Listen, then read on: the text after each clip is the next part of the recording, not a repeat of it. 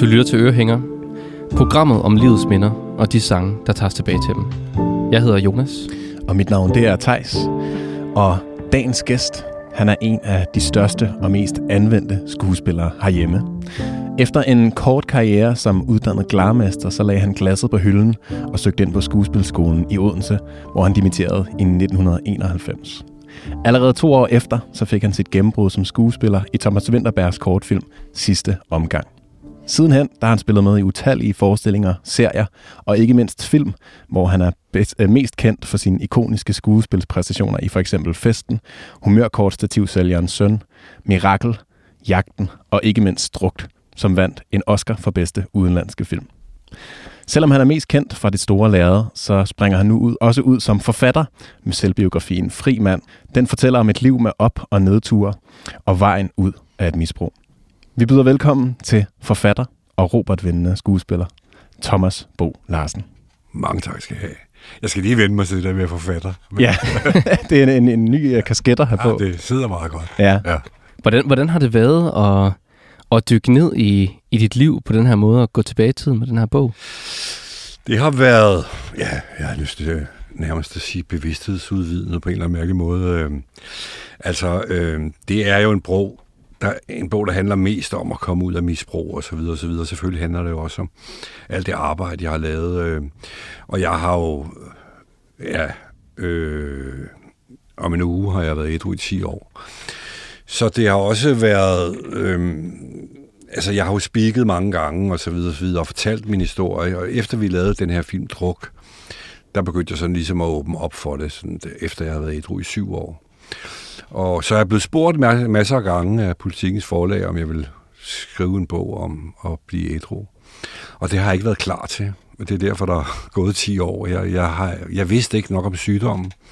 Og jeg var også nok øh, lidt nervøs for, at det var min afhængighed, hjerne, der talte, og, og ikke mig selv. Men nu har jeg brugt øh, ja, lidt over 10 år på at lære den her sygdom at kende, og øh, og dykke ned i den hver eneste dag faktisk, 10 år. Mm. og jeg er selv sponsor, og har sponsorer i, øh, i AA, hvor jeg går igennem de her 12 trin for, og vi kan blive ædru. Øh, og det har været en fantastisk oplevelse. Har du ligesom fundet ud af noget om dig selv, i, imens du har skrevet den her bog? Ja, altså, det har jeg på en måde. Jeg ramte ned i en sov, soveproces faktisk midt i, midt i bogen. Øhm, det har taget to år at skrive den her. Og øh, vi kommer ind på i starten med min barndom og så videre. Jeg er vokset op øh, ude i Gladsaxe med ja, dysfunktionelle familier rundt om ørerne på os. Og, og vi var sådan 12 drenge, der gik sådan sammen. Øh, og 10 af dem er døde dag. Mm. Og da jeg dykkede ned i det, der kunne jeg godt mærke, at det ramte mig øh, hårdere, end jeg havde regnet med. Fordi jeg vidste jo godt, at de var døde og så videre, og så videre, men jeg har ikke ligesom talt om dem som enkeltpersoner. Så, så det ramte mig, kunne jeg mærke. Og det er jo også noget af det, vi skal dykke ned i. Vi skal jo øh, dykke ned i tre minder fra ja. dit liv. Ja, vi starter i, øh, i barndommen. Ja. Og så skal vi høre, Thomas, en sang, som din far tit sang. Ja. Og som altid fik jeg til at græde. Ja. Og så efter det, så skal vi til ungdommen og høre, hvad Langebro, den, øh, den gjorde for dig. Ja. Og hvad for et øh, bestemt minde, du har for den sang. Ja. Og til sidst til det voksenliv og høre om dit misbrug og den sang, der hjalp dig ud af det. Thomas, hvis vi starter helt fra starten, ja. hvor er du så født hen? Jeg er født i Bagsvær, øh, i noget, der hedder Bindeledet. Ja. Øhm, jeg kan ikke huske det, jeg var så lille. Og så flyttede vi til noget, der hed Sønderhavsparken, og, øh, og der boede jeg så. Og, øh, hvad, var, så, hvad var det for et sted? Sønder, hvad hedder det? Sønder? Søndergårdsparken, ja. øh, det er sådan et lille parkområde nærmest med en masse kædehuse, rækkehuse. Øh, og det er der, jeg har minder fra min barndom, men fra jeg var 11-12 år, begyndte jeg at komme ude, så tog jeg linje 43 eller cyklede ud til en ghetto, der ligger ude i Gladsaxe, der hedder Værbroparken. Og det var der, jeg havde alle mine venner, og, øh, og har brugt de sidste 35 år af mit liv ude i betonghettoen. Og hvem var der i, i din familie derhjemme? Jamen, der var jo mine forældre og øh, min bror. Og min søster var lige flyttet hjemmefra. Hun er 11 år, 11-12 år ældre end mig. Øh, så hende har jeg ikke så meget minde om, men, men er selvfølgelig min store søster. Og hvordan, hvordan var der i hjemmet? Jamen altså, jeg vil sige det på den måde, at øh, tallerkenerne lå løst i håndfladen. Øh, der var skænderier, sådan ugenligt i hvert fald. Men øh, jeg tog mig ikke så meget af det. Det var det, jeg var vokset op i. Jeg troede, det var normalt. Så jeg havde sådan min egen lille fantasiverden med nogle øh, gummidyr, jeg legede med, og så kunne de råbe og skrige lige så tosset det ville. Mm. Hvad, var det for en, kan du prøve at beskrive mere om den verden med de her... Ja, ja det var sådan nogle gummifigurer. Jamen, det var sådan, øh, øh, sådan noget Supermans øh, agtigt noget, og det elskede jeg også at tegne og sådan noget. Jeg elskede den her fantasi øh, øh, med de her øh, supermænd, der kunne banke hinanden. De lavede ikke andet, tror jeg. Altså, øh, de var også rimelig slidt, de der dyr til sidst. Øh, men måske var det jo også et eller andet øh, en, et sted, en flugt væk til at finde et værelse, hvor jeg ikke behøvede at høre på alt det rån og skrigen. Og, og der er jo ingen, altså i dag har jeg jo været ædru i 10 år, så, så, så de var jo også alkoholikere. Og, øh, og det har jeg tilgivet i dag, fordi det er sådan sygdom er. Øh, den er meget, et meget lille selvværd blandet med et kæmpe egoisme. Men Thomas, hvad, hvad skændtes dine forældre om? Kan du, kan du huske det? Jamen, altså? De, altså mine forældre skændes om alt og ingenting. Altså øh, småting og, øh, og store ting. Og, og jeg kan ikke engang Altså, jeg kan ikke mindes, hvad det var, de skændes om. Det var i hvert fald bare et eller andet hver eneste gang. Ikke? Var, var du også nogle gange blandet ind i skænderierne, eller var det mest sådan dem, der, der gjorde det for sig selv? Mm, øh, ja, det var jeg jo, fordi man, jeg, jeg tror jo, en, en gang imellem begyndte jeg at råbe op og, og sige, at øh, jeg gider kraft, man ikke at høre på jer, eller et eller andet halvøje, og så ekskluderede det bare øh, endnu mere, og så fandt man ud af, jamen, det her, det overgår jeg sgu ikke. Øh. Men, men, men selvfølgelig har det jo præget mig også, og det har det jo også præget med alle mine kammerater og venner. Altså, øh, ubevidst. Altså, jeg kendte jo ikke til andet. Og øh, jeg røg også i totterne på min far to gange, da jeg blev ældre. Mm. Øh, fordi jeg ikke kendte de reaktionsmønstre, han havde på, på grund af, af sin sygdom, alkoholisme. Mm. Var der, var der stor forskel på, altså, eller ja, det, det tænker jeg, der var, når, hvordan var det, når de var, når de var ædru? Jo, men... Kan, øh, kan, du, ja, kan, du, kan du huske noget omkring det?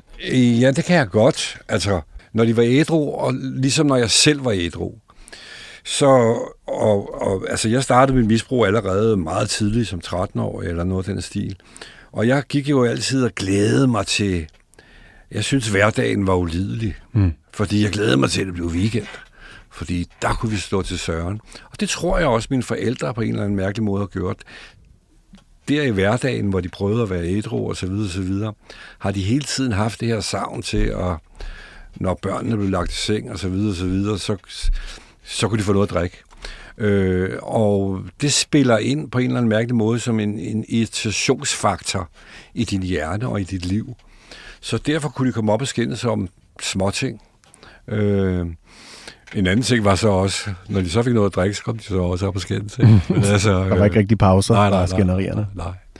Men, men øh, der har også været alkoholisme tilbage i deres tid. Mm. Øhm, de har givet af, hvad de selv har lært. Og, og det var jeg også lige ved selv ja. øh, med min egen datter. Øh, indtil at jeg fandt en vej ud af misbruget. Inden vi sådan gik i gang med, med selve din barndom, så ja. fortalte du, du havde de her drenge, som ja. du ligesom hang meget ud med. Ja, jeg ynder sådan at kalde dem Lost Boys. Lost ja, Boys. Det er sådan nogle drenge, der retter rundt i Peter Pan, ja. og ligesom har deres egen lille ø. Ja. Hvad var de for nogle drenge?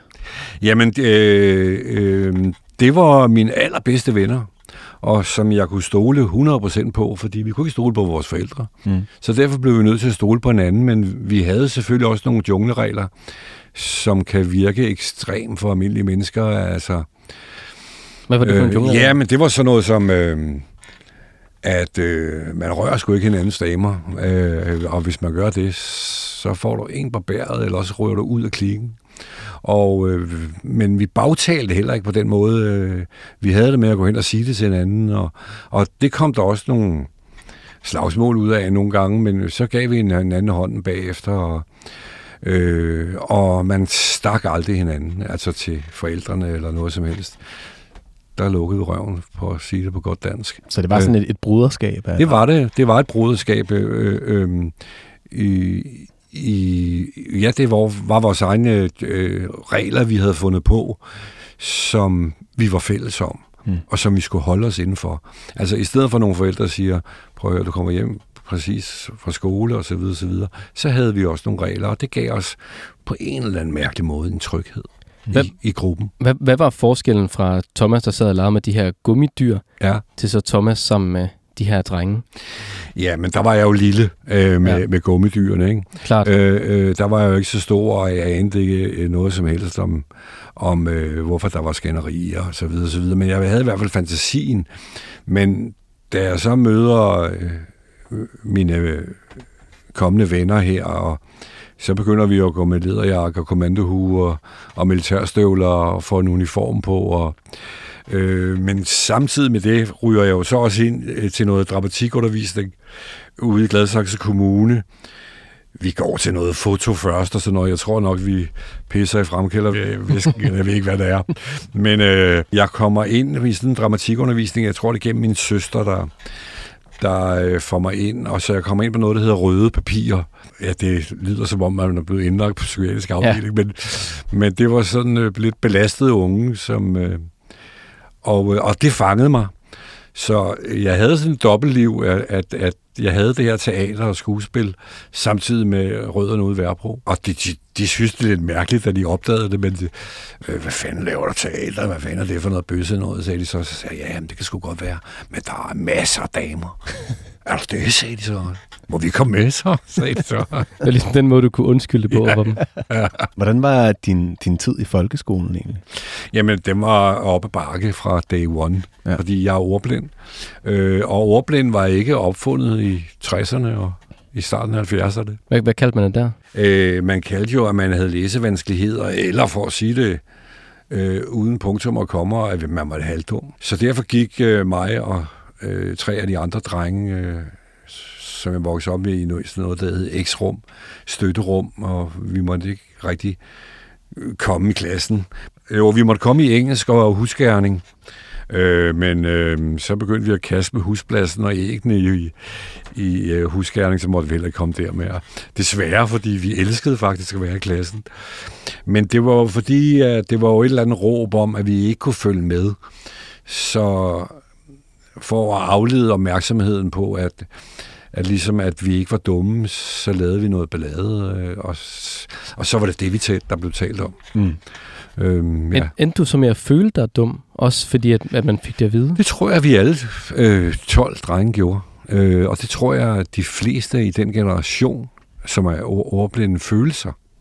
Fordi øh, øh, man vidste ikke, hvad det var. Øh, og jeg aner stadigvæk heller ikke, hvad det er. Jeg ved i hvert fald, at når jeg læser, når almindelige mennesker læser en bog, så får man nogle billeder ind i hovedet osv. osv. Det gør man ikke som ordblind. Øh, fordi vi koncentrerer os så meget om at, at læse teksten. Mm. Og det var meget sent, at jeg fandt ud af, at der var noget, der komme og punktum, og det var først på skuespillerskolen. Ja. Øh, vi havde også, øh, jeg har sådan et lidt sjovt eksempel, da jeg kom ind på skuespillerskolen, fordi de fleste af dem, jeg, øh, mine medstuderende på, på Odense Teaterskole, de havde jo gået i gymnasiet, og, og øh, havde været vant til sådan en karakterræs og sådan noget. Det anede jeg jo ikke, hvad det var. Jeg havde været håndværker i, i så mange år. Og, øh, og så tit holdt vi, skulle vi så holde til nogle møder. Og så tænkte jeg, nej, det bliver jeg jo også nødt til at, at komme med til. Og så sagde de altid det her, bare for at fortælle, øh, ja. hvor jeg stod. Øh, og, og vi skal jo også på et tidspunkt have noget på eventuelt. Og jeg tænkte, hvorfor, hvornår fanden begynder de at snakke om det der det eventuelt? Øh, jeg anede ikke, hvad det var for noget. Øh, men på overfladen lød jeg bare som om, ligesom jeg havde gjort i, i folkeskolen, at jeg vidste, hvad det handlede om. Mm. For ikke at virke dum. Sådan fake it till you make it. Ja, ja, ja, fuldstændig ja. Du har jo taget noget musik med. Det kan du tro, jeg har. Ja. Jeg glæder mig til at spille det for jer. Og det er jo en sang, som du øh, har fortalt, at din ja. far tit sang, ja. og som fik jeg til at græde. Ja, det var sådan, jeg ved sgu ikke, uh, torturinstrument. Uh, øh, den her sang, tror jeg, var noget af det første, jeg hørte som barn. Uh, og nu kan vi jo høre den, men uh, den starter sådan meget blidt med en eller anden mand, der, der hugger nogle sten, og, og vi lyttede meget efter, og så ender den meget tragisk. Med læderlap for øjet og om sin sko et bånd. Det er som en Jens Weimann, der op sin sure nød med hamren må forvandle de hårde sten til brød. Altså, man kan jo også høre, at han, han, han lider under den her sang, ikke? Ja. Ja. Gjorde din far også det? Øh, sang ja, det, det tror jeg. Altså, øh, vi skulle vide, at verden var hård derude. Mm. Ja. Hvor, hvorfor tror du, de skulle vide det? Ja, det, jeg tror, det var min egen fars opvækst. Øh, han blev øh, adopteret og fik først at vide som 18-årig, at hans forældre var ikke hans forældre. Det var hans farmor og farfar. Og hans moster, han ikke kendte så godt, det var altså hans mor. Øh, og øh, det var en sømand, der var hans far, som var stukket af helvede til. Og øh, det viser at være en stor løgn. Så øh, han har lidt meget under det her med øh, det her sentimentale med at ikke have nogen forældre og først opdage det sent. Og, og et hårdt liv, tror jeg også, han har haft. Øh, så det her, det klingede øh, hos ham. Den her sang, som et eller andet sted også er propfuld med selvbelidelighed. Og, altså, øh, og meget melodramatisk. Hmm. Øh, det var... Det var en sang, der brang øh, følelserne frem i i hvert fald. Ja. Var det, var det sådan hans måde at kommunikere en smerte på Ja, det tror jeg. Jeg tror, det var en eller anden øh, måde at, at, at fortælle, at, at han havde skulle haft et hårdt liv, så hvis vi tudede, så var der ingen grund til det, fordi han havde haft det hårdere. Altså, et sted. Og nu skal jeg lige synge den her sang for jer, ikke? om ja. en svejmand, der, der sidder blind på det ene øje ude i kulden og hugger. Ja, prøv at høre. Det er som en Jens Weimann, som endnu sidder der. Ja, han sidder her så endnu, men altså, han stiller træskoene lige om lidt, kan jeg fortælle Ja. Han forandrer den vanskelige vej. Men da det led mod julen, der sagde armen nej. Det var som en Jens Weimann, han tabte hamren bræt.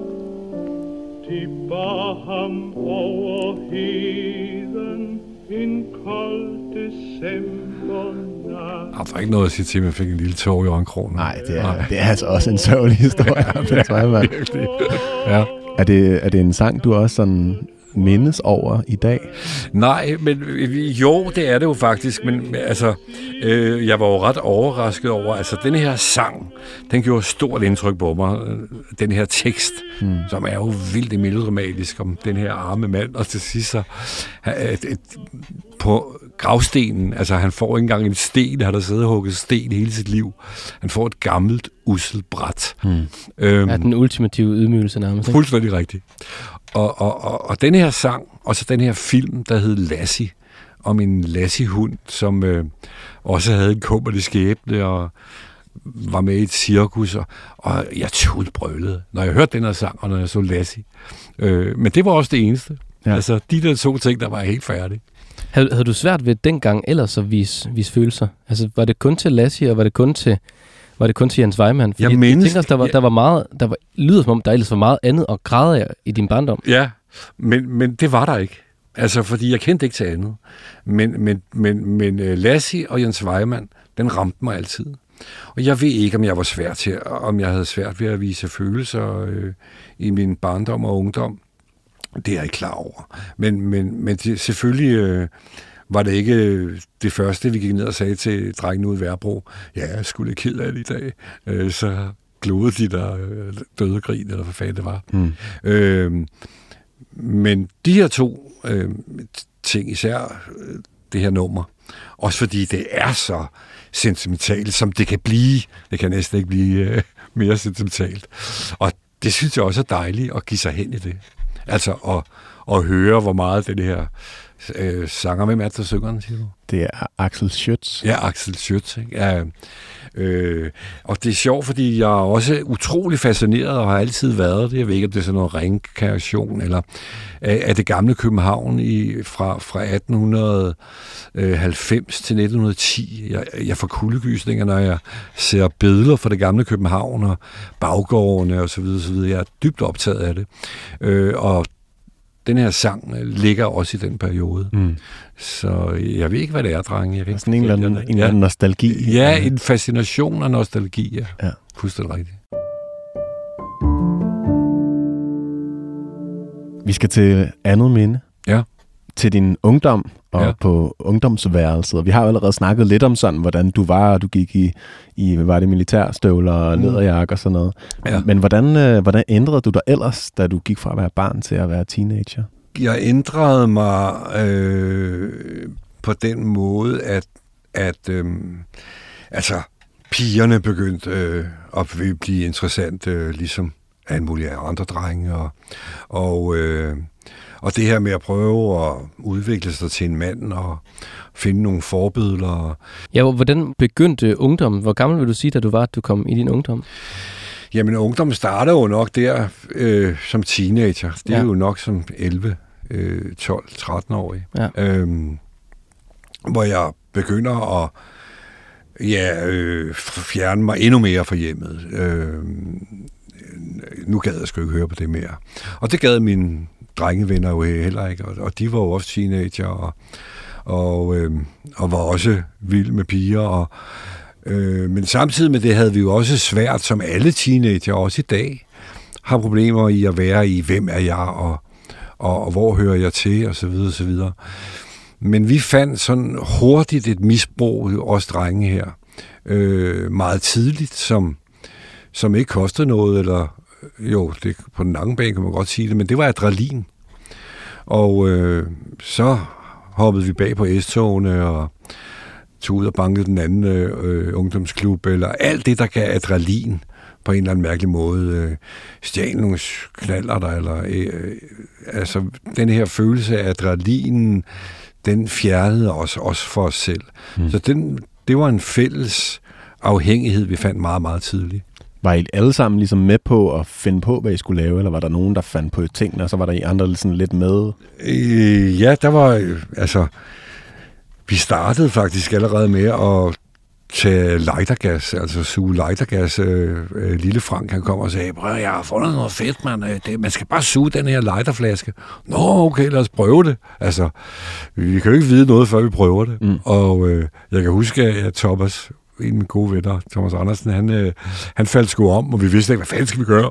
Øh, men så vågnede han op igen og sagde, hold kæft, det var fedt, mand. Og, altså, og så kom hassen ind over senere. Øh, vi ledte efter en eller anden sted at fjerne os for os selv på allerede øh, meget tidligt i vores liv. Så det var den der jagt på ros, der Ja, ligesom ja. bandt jer sammen også. Ja, en, en, en, en jagt på ros og en, en fascination af, øh, hvad adrenalinen kunne gøre, og øh, de her mærkelige samtaler, vi havde første gang, vi røg has og grineflipper og alt, alt det her. Øh, en fascination af, af noget andet, der kunne fjerne os fra problemerne i skolen, problemet i hjemmet osv. osv. Og det er jo også derfor, jeg har skrevet bo- bogen og, og fortæller om de her 10 mennesker, der er døde, og jeg ville ønske, at de havde fundet den samme sti, som jeg havde. Mm. Og måske et råb til øh, ungdommen også nu, øh, øh, at, øh, at det kan være farligt at være i. Mm. Hvornår begyndte alkoholen ligesom at komme ind i, i jeres gruppes liv? Ja, det kan jeg sgu ikke huske. Jeg tror 14 år eller sådan noget. Ja. Øh, vi havde i hvert fald de her læderjakker i, i Værbro Ungdomsklub, og så kunne vi købe de her små kyllingesnapseflasker, som vi havde i det her røde for i, i, i, i, i en inderlomme. Øh, så det, det er 13-14 år, tror jeg. Ja. Thomas, hvis vi nu kunne have spurgt, du fortalte jo, at der var 10 af dem her, der, var, Ja. der er gået bort. Ja. Hvis vi nu kunne have spurgt dem, om hvordan var Thomas i den her periode, Ja. hvad tror du, de ville have sagt? Øh, altså, øh, jeg hed øh, Tændstik Thomas dengang. Og så senere blev jeg så kaldt Tænder, fordi jeg tændte fede hele tiden. Øh, øh, jeg tror ikke, jeg var lige så tof som, øh, som mine andre. Altså, jeg røg i slagsmål en gang imellem, og så videre, og så videre, og, og jeg hang også bag på togene og tog gas og gjorde som de andre, men, men der var jo nogle, der var nogen, der tog den længere ud end, end mine venner. Mm. Øh, så jeg hang sådan med 80 procent, øh, og det er måske også derfor, jeg har overlevet i dag. Ja, fordi du ikke var frontløberen på det. Ja, ja, ja, jeg, jeg, det tror man godt, man kan sige. Jeg har ikke været frontløberen på noget. Det var ikke mig, der fandt på de her tossede idéer. Øh, ikke fordi jeg skal give skylden til mine venner eller noget som helst, men for jeg var over med på den. Øh, det gav et kick jo. Vi skal jo øh, høre noget musik, som du har taget med for mm. en periode, som du har sagt, øh, da, du, da, du, øh, da du fortalte om det her minde, at det var i dit værelse i kælderen, ja. hvor du hørte radio. Ja. Kan du prøve at beskrive sådan en, en dag eller aften, hvor du ligger i kælderen og hører radio? Ja, det kan jeg godt. Øhm, altså, det, der, der er vi teenage, øh, sådan op i 14, 15, 16 år, og pigerne var det eneste, det handlede om. Og, og øh, så havde jeg jo et eller andet sted, øh, jeg havde det her værelse nede i kælderen, hvor min far bryggede vin. Øh, så der var sådan nogle vinbeholder, der stod og boblede, blub, blub, og så var der fuld af bananfluer. Altså inde på dit værelse? Øh, ja, det var faktisk inde på mit værelse. Der var lige sådan en trævæg imellem, og det var meget moderne, ja. at man havde sådan nogle store beholdere, hvor man bryggede sit eget vin. Og det stank af helvede til. Og øh, det var noget med sådan noget aktiv gær, der var i. Og så kom der altid de her satans bananfluer. Øh, så det var lugten nede i, i... Og det var en kælder, ja. som var det halvfugtigt. Og øh, så var der det her helle hver søndag på en eller anden mærkelig måde. Og så kom det her radioprogram Tværs, som var sådan et ungdomsprogram. Altså, I, I må tænke på, at den tid var der jo ikke noget, der hed internet. Altså, du kunne sgu ikke gå ind på Facebook eller Instagram og, og se, hvordan dine jævnaldrende, hvad de laver i dag. Øh, øh, det var den her radioprogram, som samlede alle unge. Øh, nu skal jeg passe på ikke at tage alle med øh, i en altså, det var øh, virkelig stor lytterskare. Og øh, Trine Bryl der, hun fortalte, snakkede så med de her unge om deres problemer, som var de samme problemer, som vi andre havde, og øh, ja, hvorfor min kæreste er gået fra mig, eller hvorfor må jeg ikke øh, gå til fest og for mine forældre. Og, og så spillede de musik ind imellem, og så øh, sluttede det her radioprogram altid af med Langebro med Kim Larsen. Øh, som jo også et eller andet sted er et sentimentalt nummer, at han møder en pige, der står og græder på Langebro. Øh, men øh, skal vi ikke lige høre det? Jo, jo.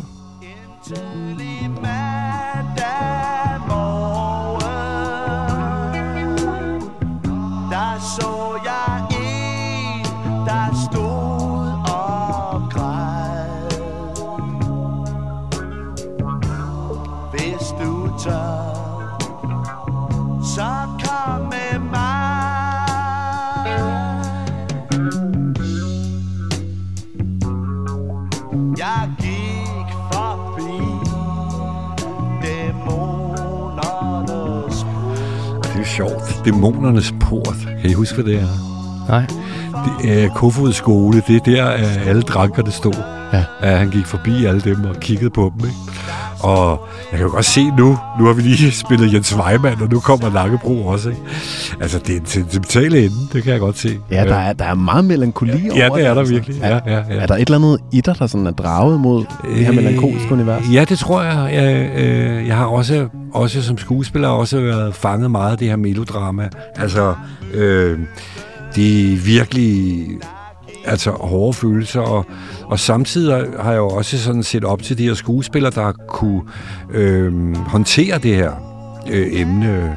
Robert De Niro og øh, Taxa Driver, som også er dybt sentimental om en taxachauffør, der kører rundt i Brooklyn i byens gader og er, er dybt ensom og, og fortabt. Men øh, det har fascineret mig altid på en eller anden mærkelig måde, og heldigvis mødte jeg jo så Thomas Witterberg, som har det samme sind på en eller anden mærkelig måde, selvom man kommer fra en helt anden barndom end mig. Mm.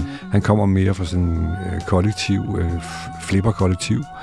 Men vi var fascineret af det samme, om at lade os nå helt ind i, tage fat i nyrerne og hive dem ud. Altså, øhm, Og det er hans film jo også præget af. Ja. Og også de roller, jeg spiller i.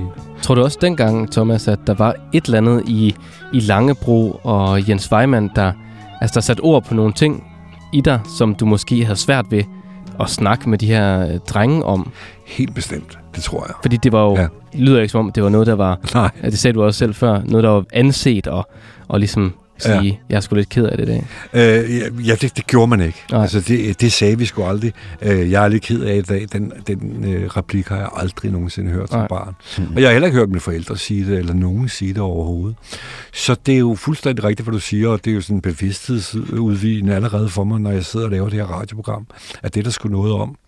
Altså her var der nogen, der bad om hjælp, eller der tog græde. Øh, så det var nok derfor, det ramte mig.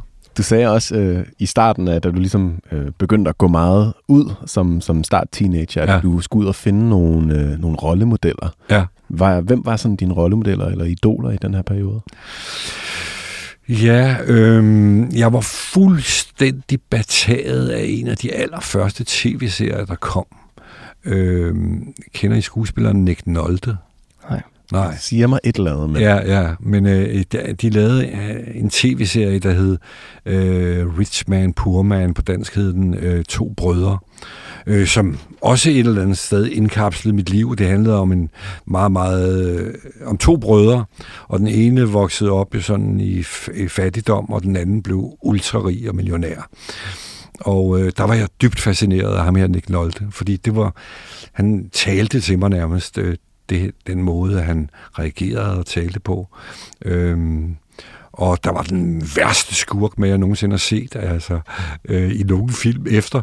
En, der hed Falconetti, øh, som bare var en mean motherfucker, øh, italiener fyr, som slog øh, mit elskede forbillede ihjel, øh, Nick Nolte, som hed Tom i filmen. Og var, og var det ham, der blev rig, eller ham, der... Det var den fattige. Det var den fattige. Ja, det var den fattige. Ja. Hvorfor var Øh, han dit forbillede? Ja, det ved jeg ikke. Øh, Jeg var bare dybt fascineret af ham. Jeg var dybt fascineret af hans udseende, og han havde sådan lidt indstående øh, øjne, og, øh, øh, og, og bare han brugte næverne på den måde, og brugeren var jo helt anderledes, øh, som var sådan en forretningsmand på børsen osv. osv. Og det interesserede mig faktisk ikke, hans historie. Men det er der jo andre børn, der har været fascineret af den, så den, på den måde var, var den her tv-serie øh, ret øh, omfavnende på en eller anden mærkelig måde. Den handlede om, man ser allerede de her to brødre, der vokser op allerede som barnsben, og hvordan livet præger dem begge to på grund af deres barndom. Ikke? Øh, det var jeg dybt fascineret af, den der tv-serie. Thomas, vi skal jo til tredje og sidste minde. Ja, Vi skal til dit voksenliv, Ja. hvor vi skal blandt andet skal høre om dit misbrug og også vejen ud af dit misbrug. Ja. Men jeg tænker, om du ikke kan prøve at fortælle, ligesom da dit misbrug det var aller værst, hvad, hvad, hvad det fyldte i din hverdag. Jamen altså, det er det, vi siger i A. Det kom snigende, overraskende og magtfuldt. Øh, I starten startede det med, som jeg fortalte i, i, teenageårene, at vi glædede os bare til weekenden, Mm. fordi der kunne vi blæse hjernen ud. Øh, Og flygte. Altså. Ja, flygte væk. Ikke? Så derfor blev hverdagen øh, dyste og grå og kedelige, fordi belønnelsen lå i weekenden. Og så med tiden, så, øh, så tænkte jeg så, nå, jamen, øh, vi kan sgu da også godt tage torsdagen med. Der var nogen, der sagde lille torsdag, og, og så blev det torsdagen. Og så hørte jeg om, om folk, der drak en øh, flaske vin om aftenen. Og nå, det lød sgu da også meget godt. Så Og, hvor- og, hvor- og hvor gammel var du her? Ja, men der har jo nok øh, været op, øh, altså, da jeg begyndte på den der flaske vin hver aften, øh, der har jeg været i slutningen af 30'erne, eller sådan midt i 30'erne. Så det har været samtidig med din karriere, vel også bullet dig ud af på Ja, et tidspunkt. Mm. Var, var, det ikke, var, det ikke, altså, var det ikke svært Nej, at, at, at, at have begge dele? øh, jo, det var det. Øh, Altså, altså det, både, både karrieren og, og flasken? det var jo et mareridt i dag, når jeg kan se, at Ja. ja. nu vågner jeg ikke med tømmermænd mere, og så videre, og så videre. Men jeg drak jo heller ikke hver dag fra starten af. Nej. Det var først til slut de sidste to-tre år. Ja. Øh, men øhm, øh, det var noget med et koldt bad om morgenen og så videre og så videre, og, og det er jeg jo fri for i dag. Det er jo befriende, men, men, men langsomt kom det snigende. Og så kan jeg huske, at jeg hørte sådan et program med, jeg tror det var øh, Kurt Trampedag, en eller anden maler, Ja. som fortalte, at øh, jo, han drak først vin efter klokken 5, og så det var der, den lå. Ikke? Mm. Og så blev det klokken 4, og så blev det klokken 3, og til sidst blev det hele tiden. Øh, og jeg kan ikke forklare dig, hvad det er, eller hvad, hvad det er, der sætter ind. Men, Nej. men, men og, og selvfølgelig var det jo også svært at opretholde mine jobs og så videre, men hvis du kigger på rundt omkring, så findes der alkoholikere, der er altså kirurger, der er læger, der er piloter, der er folk med meget betroet job, som også har den her alkoholisme, som jeg også selv har mødt. Ja. Øh, så man kan utrolig meget, og derfor koncentrerer man sig en eller anden mærkelig måde meget om sit arbejde, fordi hvis jeg- dykkede rigtig meget ned i mit arbejde, så havde jeg en stor frihed bagefter. Ja. Det var sådan et belønnelsescenter. Så, men til sidst, så, så gik den ikke længere. Så ville kroppen heller ikke følge med mere. Og jeg begyndte at få sådan noget betændelse i benene. Og, øh, og, øh, og øh, det, der var allervigtigst, at min øh, nærmeste begyndte at råbe mig op. Hvordan, hvordan råbte de det op? Jamen, jeg kan, det kan lyde mærkeligt, men, men lang tid før jeg stoppede, så kan jeg huske, at jeg var på Ludvigsen, en eller anden bodega nede på Vesterbrogade, der kom en mand hen til mig og sagde, prøv at høre, du drikker sgu da for meget. Og jeg tænkte, hvad fanden bilder han sig ind? Det skal han kraftedeme ikke blande sig i. Men stemmen sad i mit hoved.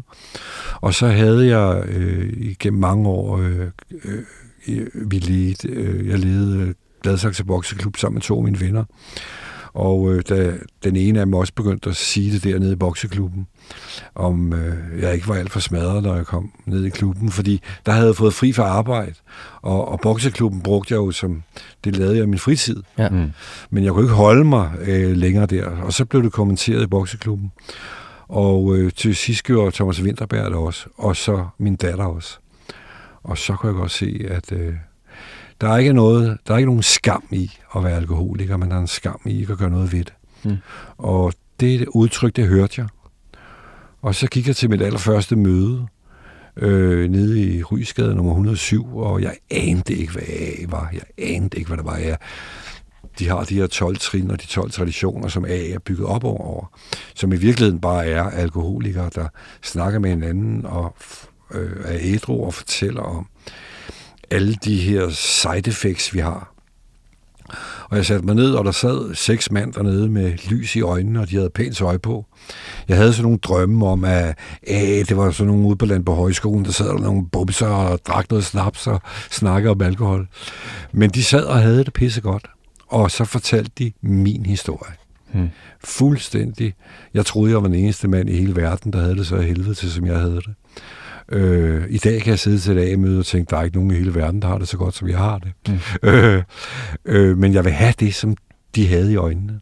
Og det har jeg fået. Hvordan var det at, at sidde der og ja, føle sig spejlet af, sådan, af alle de her mænd? Det var, det var et chok, men det var også øh, øh, utrolig behageligt. Altså, skuldrene røg helt ned. Jeg behøves ikke at lyve mere. Her sidder der nogen, der selv har været fuld af løgn. Der selv har været igennem den her sygdom, som jeg har været i, men var kommet ud på den anden side. Og de vidste fuldstændig, hvordan jeg havde det. Mm. Så der var ikke noget mere pretente. Øh, det behøvede jeg ikke. Det var at komme hjem på en eller anden mærkelig måde. Mm. Til nogen, der forstod, hvordan jeg havde det. Øh, og kendte en vej ud af det. Og hvad var forskellen på Thomas Bo Larsen, der drak, og Thomas Bo Larsen, der var ædru? Ja, men det kan jeg næsten ikke. For det skal vi bruge et helt radioprogram på. Altså, Ja. øh, der var jo kæmpestor. Jeg var, jeg var fuld af løgn. Øh, og øh, jeg var øh, havde et kæmpe ego, blandet med et meget, meget lille selvværd. Øh, et kæmpe ego, når jeg drak, og et lille bitte selvværd, når jeg ikke havde noget. Mm. Øh, jeg havde det ikke godt, men jeg vidste ikke. Øh, jeg, jeg var totalt opslugt, og det var min hjerne også, af at få mit daglige stof. Altså hvis du ser på et bur med forsøgsrotter, så slår de hinanden ihjel Ja. for at få sit stof. Og sådan reagerer vi mennesker også. Vi er også bare dyr. Og sådan gjorde jeg også. Det handlede for mig om, at jeg kunne lyve og bedrage og så videre, så videre, så længe jeg fik mit stof. Fordi jeg troede, livet sluttede, hvis jeg ikke havde mit stof. Og jeg havde en masse, øh, som jeg studerede senere som ædru, da jeg tog til Thailand og, og, og hørte en, en amerikansk måde at blive ædru på. Øh, alt det hjernen gør, som når den er afhængig, finder alle mulige små bidder, når du har det her, du er vokset op i det her. Øh, den finder en masse selvmelidenhed, som du kan drikke på, mm. og som giver dig lov til det. Og, og det gjorde jeg også, når jeg havde gjort mit arbejde og var glad. Så, så havde jeg lov til at drikke. Ja. Men hvis jeg så blev ked af det en dag, hvis kæresten slog op, så fordi de ikke kunne holde mig ud længere, så havde jeg fandme også lov til at, at, at, at få noget at drikke. Mm. Og øh, til sidst, øh, jamen nu keder jeg mig jamen så har jeg skal også lov til det. Og, så det var hele tiden. Det var sådan en undskyldning, smuthuller-agtig. Det er hjernen, der ja. finder de her smuthuller. Ja.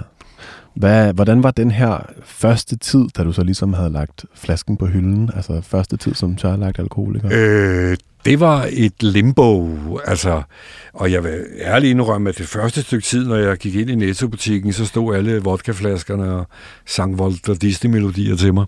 Øh, Come on, Thomas! Øh, mm. øh, øh, det var sin sag, men øh, så holdt jeg mig en måned ædru, og, og det havde jeg sgu ikke prøvet, siden jeg var teenager, og jeg fik sådan en mønt af, og jeg var virkelig stolt. Jeg var virkelig stolt af den. Øhm, og der kunne jeg sådan se, jamen måske er der en vej ud af det her. Og efter jeg havde været ædru i ni måneder, havde jeg så også et tilbagefald nede i Thailand. Øhm, hvor det var også var et eller andet, hvor jeg kom op i noget diskussion, og, og så sagde min hjerne til mig, ja, nu er der lov, lov til at tage bare en enkelt lille en. Så noget at styrke sig på? Eller? Ja, ja. og man, man siger, at det er den samme station, som du stiger af på, som du stiger på igen, når du har drukket. Så i løbet af et par dage var jeg oppe på det samme øh, niveau i mit tilbagefald, som da jeg stoppede. Mm. Og så fandt jeg ud af, hvad den sygdom her handlede om. At, øh, at hvis jeg tager et glas igen, så kan jeg risikere at dø af det. Mm. Øh, var, du, var du bange for det? Altså bange for, for, bange for at dø af det? Øh, nej, det var jeg sgu egentlig ikke. Altså, øh, i, i små anfald af selvmelidenhed, tror jeg også, jeg overvejede et eller andet sted, at folk kunne komme til min begravelse og stå og græde. Altså, øh, øh, det er en mærkelig måde, man tænker på, når man har den her afhængighed inde i hovedet. Øh, man er så meget selvmedlidenhed, og du er fuldt med frygt og angst hele tiden. Men det bliver en hverdag, og det hele forsvinder, når du får et glas. Mm. Så det er derfor, du jagter den der glas hele tiden. Og, øh, og efter de her 10 år, jeg har fundet ud af, hvor fantastisk mine følelser er, og, og hjælpe andre mennesker, og bare stå op hver eneste morgen og være glad. Det, jeg, jeg har det lidt med, jeg har sagt det mange gange i interview også, øh, jeg tror sgu, det er lidt det samme som folk, der har lidt af en ubredelig sygdom, eller set døden i øjnene at man finder lige pludselig ud af, hvor smukt livet er. Mm. Og øh, Thomas, du har taget en sang med. Ja. Som... Redde mit liv. Ja. Ja. Det, altså, det er alligevel også vildt at sige om en, en sang. Ja, det gjorde den. Øh, jeg fandt ud af, at, at en ting var, at jeg skulle arbejde med mig selv og, og mine følelser og, og øh, mit liv. Men jeg skulle også komme mig som jeg sagde, så var det kroppen, der begyndte at sige nej. Og heldigvis kom jeg også for lidt fra bokseklubben og judo, jeg gik til i mange år. Så jeg, og min sponsor sagde til mig, at du bliver nødt til at få kroppen med. Og så, øh, så fangede det her nummer mig. Øh, Phil Leon, Lin, jeg kan ikke sige hans efternavn, jeg har aldrig kunnet, desværre. Øh, Phil Lennon siger, øh, han synger den her sang om en mand, der siger, jeg bliver nødt til at stoppe. I got to give it up. Og denne her øh, sang, øh, melodi, er jo bygget fantastisk op. Den brugte jeg til at løbe på. Og øh, jeg var afhængig af både alkohol, kokain og benzodiazepiner. Og så startede jeg med at tage høretelefoner på og begyndte at smålunde. Så det stille her. Og så tager sangen fart, og så begyndte jeg at løbe hurtigere og hurtigere. Der. Men lad os lige høre, hvad han synger, skal vi? Jo, det synes jeg. Ja.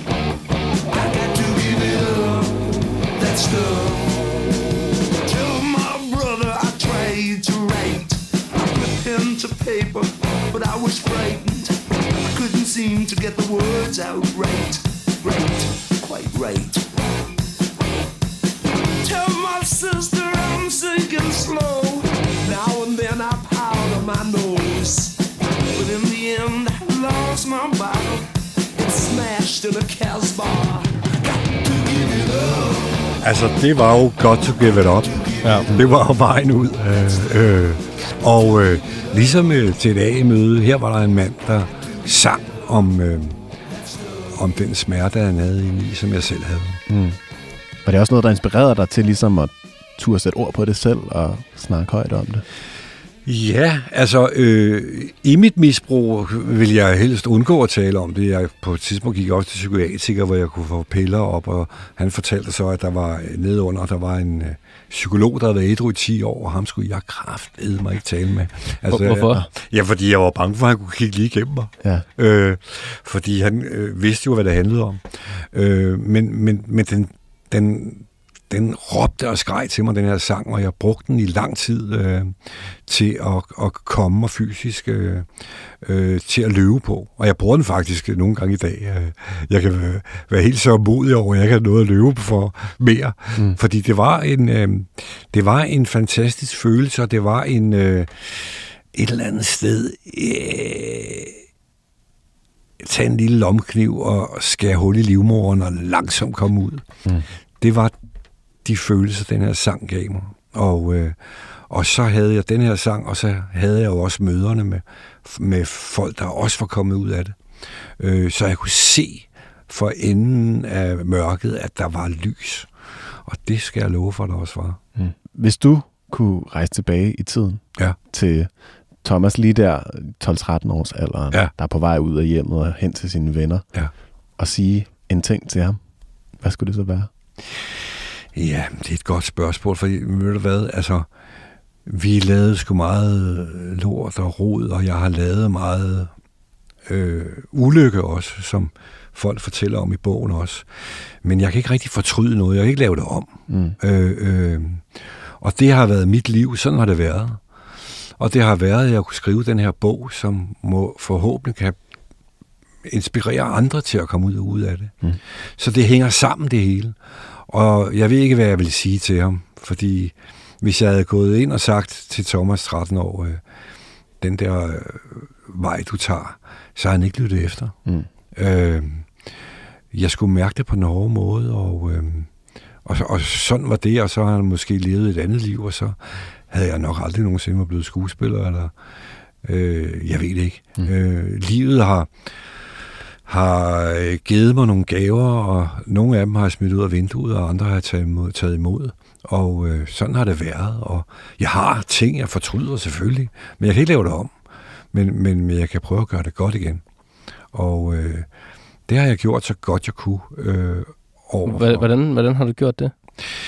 Ja, øh, altså, vi har noget, der hedder et 9. trin i, i, i de her 12 trin, som hedder, at vi går ud og gør det godt igen. Ja. Øh, og øh, for det første går jeg ud og fortæller og undskylder min, min måde at handle på, som kan være svært for en, der ikke har et misbrug. På et tidspunkt havde den her liste over de her folk, jeg skulle gøre det på. Jeg gik ud til Thomas Winterberg, der gjorde jeg lidt for tidligt. Og han sagde, den der undskyldning, den er, den er sgu ikke dyb nok. Øh, men den fik han så senere. Og man kan sige, selvfølgelig var jeg godt belastet, da vi lavede jagten. Og mit skæg røg af, fordi limen ikke kunne sidde fast på huden, fordi der var så meget sprut i min krop. Og, øh, og der pissede jeg egentlig et eller andet sted min bedste ven op og ned ad ryggen, mm. uden jeg vidste det. Men jeg kunne gøre det godt igen i druk for eksempel. Altså at spille den rolle øh, ædru og, og vise øh, ja, hvordan misbruget var. Jeg lavede også en lang liste på et tidspunkt, jeg havde været i Indien også med en af mine venner, som desværre også er død i dag. Øh, hvor jeg havde gået amok et eller andet sted nede på en bar hos, Hvordan det med? hos den bedste ven. Jeg kom op og skændes med nogle, Ja. med nogle udsmidere og så videre og så videre, og, og væltede hele lortet, og, og jeg havde den her liste, og jeg tænkte, John hernede, ham skal jeg sgu ned og sige undskyld jeg bor i Indien, der kommer jeg jo aldrig ned. Mm. Men det blev ved med at sidde i hovedet på mig. Øh, og til sidst tog jeg en, købte jeg sgu en billet og tog helt ned til Indien og gik ned til John og sagde, vil du hvad, så, John, I'm sorry for min opførsel dengang. Og han kiggede bare mig lige direkte ind i øjnene, og så sagde han, Thomas, you were fucking crazy. og så øh, heldigvis havde han en bror, som også øh, var alkoholiker, og som også var i gang med de her trin, og havde været det før mig. Så han vidste, hvorfor jeg kom også, mm. på en eller anden mærkelig måde. Og så arbejdede jeg lidt i hans bar. Og, men bare det at få givet ham den her undskyldning, og sige, at det er sådan noget, og, og sådan er det jo. Det var jo noget, jeg aldrig kunne finde på i et tilstand. Nej. Så det er jo også en helingsproces at lave de her 9 trin. Og det er jo øh, de fleste, der er med i bogen også.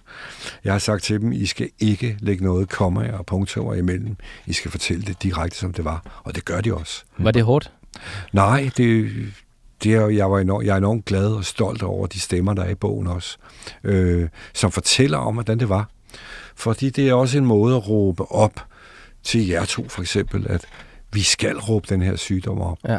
Fordi der findes en vej ud, ud, ud af den. Øh, og misbrugeren kan ikke se det selv. Men der var nogen, der råbte i mig, og, der, og det kan godt være, at det gik lang tid, og det kan også godt være, at jeg blev pisse sur, og, og det skal du kraftigt ikke blande dig i. Men stemmen sad der. Og, øh, og man er heller ikke bevidst om, hvor ondt man gør andre, andre mennesker.